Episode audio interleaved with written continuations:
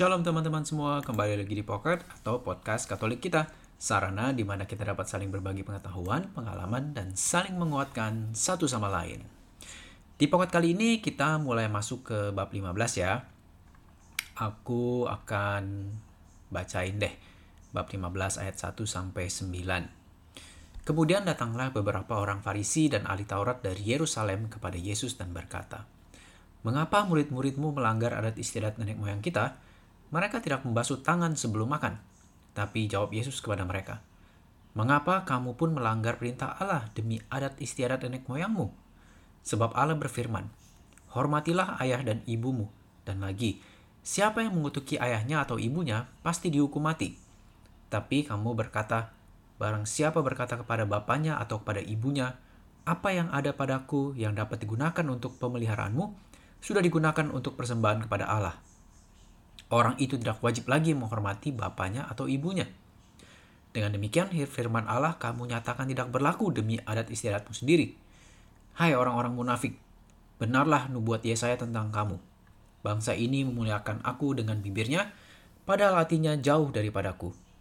Percuma mereka beribadah kepadaku, sedangkan ajaran yang mereka ajarkan ialah perintah manusia. Nah, itu jadi ayat 1 sampai 9. Ketika baca ayat ini, aku jadi inget dulu itu sering banget ya kayaknya ayat ini tuh dipakai untuk mempertanyakan tradisi umat Katolik. Uh, kita kan selalu bilang ya our deposit of faith itu sacred scripture and uh, sacred traditions. Jadi kita selalu bilang kalau dulu itu apalagi kalau waktu kita masih apa ya masih kecil belum ngerti gitu oh ini tuh tradisi tradisi tapi apa apa yang kita nggak ngerti oh itu tuh tradisi gitu dan um, terus terang banyak orang yang nggak ngerti tradisi itu apaan gitu. Yang non Katolik ya wajar lah kalau nggak ngerti. Tapi yang Katolik pun banyak yang nggak ngerti dan sering kali menggampangkan arti tradisi tersebut. Um, aku nggak akan bahas banyak tentang ini deh ya di pocket ini. Mungkin kalau banyak yang nggak tahu, aku akan coba share di di pocket yang uh, beda di pocket yang lain. Tapi singkatnya aja ya, tradition itu adalah um, living transmissions of the gospel yang diturunkan oleh Yesus ke para rasul dan ke kita semua. Jadi kita tuh harus bedain mana tradisi yang istilahnya bisa dirubah atau mana yang nggak bisa dirubah. Contoh nah, contoh tradisi kita kalau Romo atau priest itu cuma bisa laki-laki.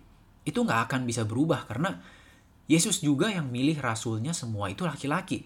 Ingat ya, murid Yesus itu juga banyak yang wanita. Tapi yang jadi rasul itu semua laki-laki. Nah, kalau contoh tradisi yang bisa dirubah ya misalnya itu tuh dulu misalnya ada uh, Miss Dinar altar boy. Kan cuma bisa laki-laki. Sekarang juga um, bisa uh, ada altar girl gitulah yang cewek gitu ya.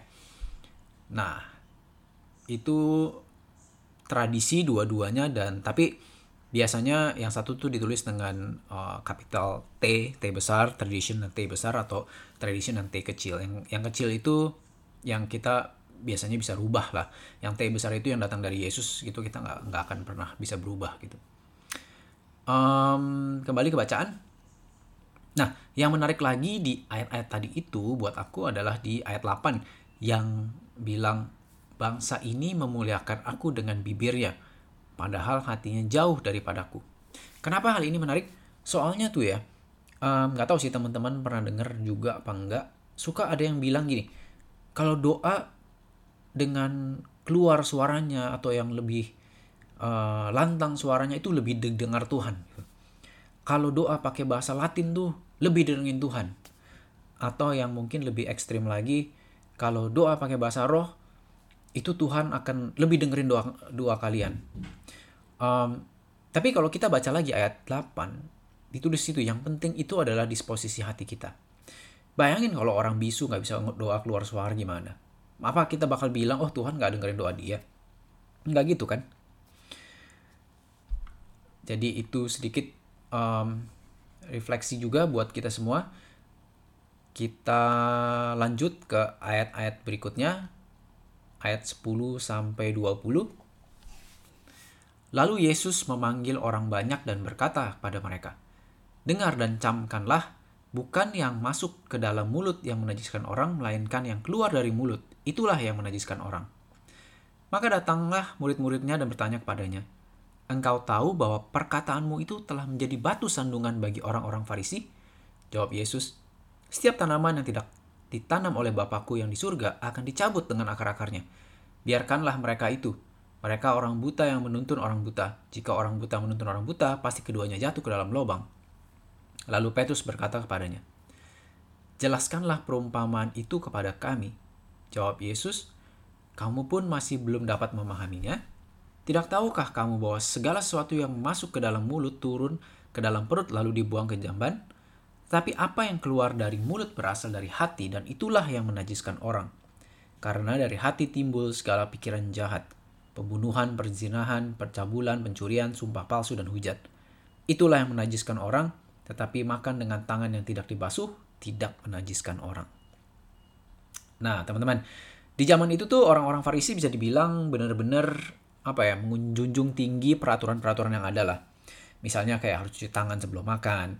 Jadi istilahnya kalau kamu nggak melakukan hal itu, ketika kamu pegang makananmu, makananmu jadi najis gitu, jadi kotor, jadi nggak kosher ya, jadi impure. Jadi ini tuh sebenarnya sesuatu yang um, awalnya tuh dilakuin. Jadi peraturan-peraturan ini tuh sebenarnya banyak peraturan yang dilakukan itu sebenarnya di dalam liturgi bait Allah ya di temple. Jadi peraturannya itu dilakuin di dalam bait Allah tapi dibawa dan dipraktekkan kehidupan masyarakat setempat.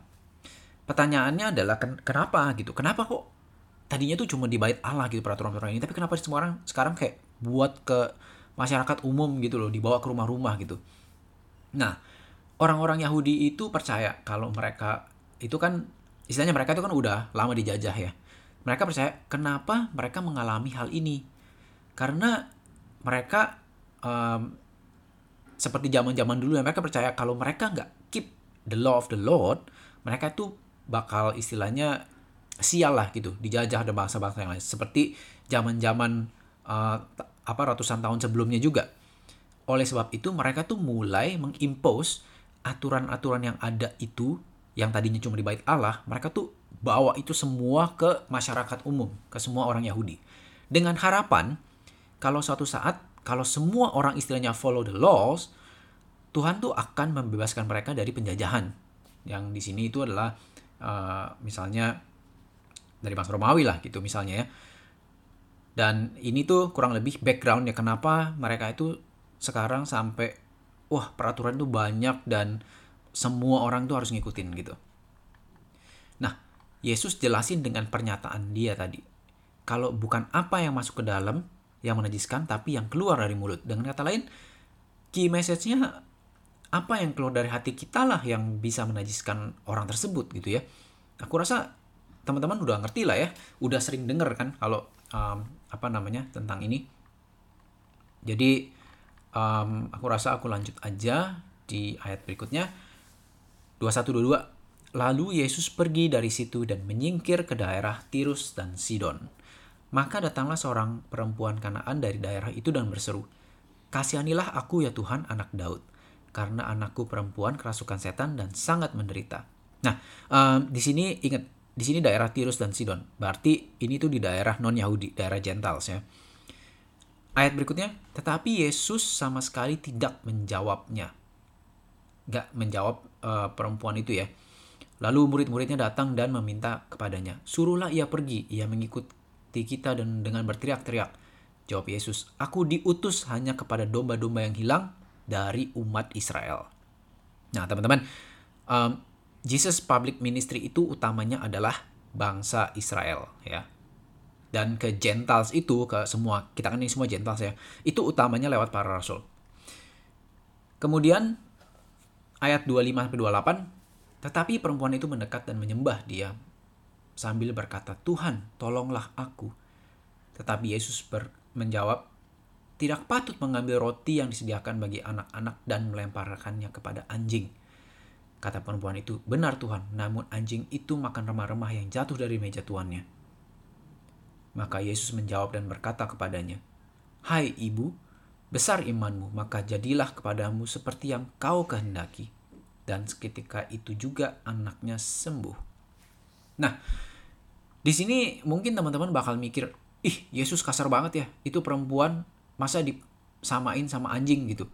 Tapi sekali lagi di sini kita harus lihat dengan kacamata konteks di zaman itu ya. Orang Kanaan itu kan bukan murni orang Yahudi lagi ya. Jadi di mata mereka itu orang-orang Kanaan tuh kayak orang yang bisa apa ya? Bisa kawin silang dengan bangsa mana pun gitu. Jadi disamain seperti anjing yang bisa kawin dengan anjing mana pun gitu. Nah, di sini si perempuan ini nunjukin bener-bener apa yang namanya humility, kerendahan hati. Dia terima kalau disamain, dibilang udah dibilang disamain dengan anjing, tapi dia nggak stop di situ, dia nggak minder di situ.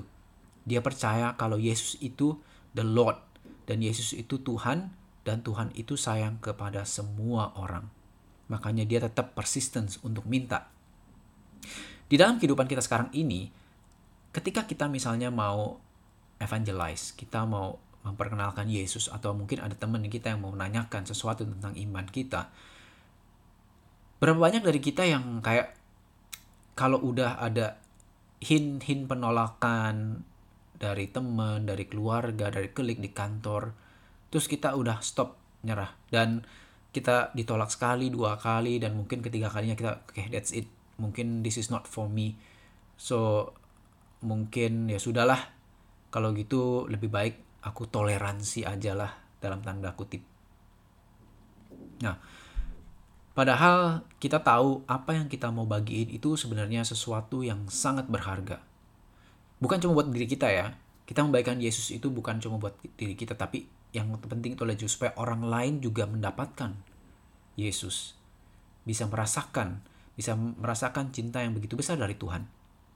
Tapi kita sering kali gampang menyerah dan kita dibilang ah jangan sok suci deh lu. Lu mah nggak toleransi, ngapain sih pakai ngapain sih pakai doa-doa segala sebelum makan? Ngapain sih bikin tanda salib? Emang makanannya jadi lebih enak gitu? Dan kita sering terdiam dan menciut. Dan sadar nggak sadar, pelan-pelan kita adjust diri kita untuk mengikuti apa yang masyarakat atau society mau dari kita. Jadi bukan kita yang menjadi terang dan garam dari mereka, bagi mereka, tapi kita yang kehilangan sinar dan asinnya. Aku harap pokat kali ini bisa membantu teman-teman untuk um, bisa lebih mengerti lagi di Injil Matius ini di bab 15. Kita lanjut lagi di pokat berikutnya.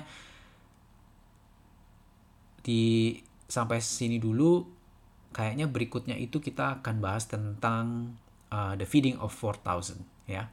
Aku tunggu feedbacknya di DM Instaku at warrior.pio.cerat. Thank you for listening and God bless you all.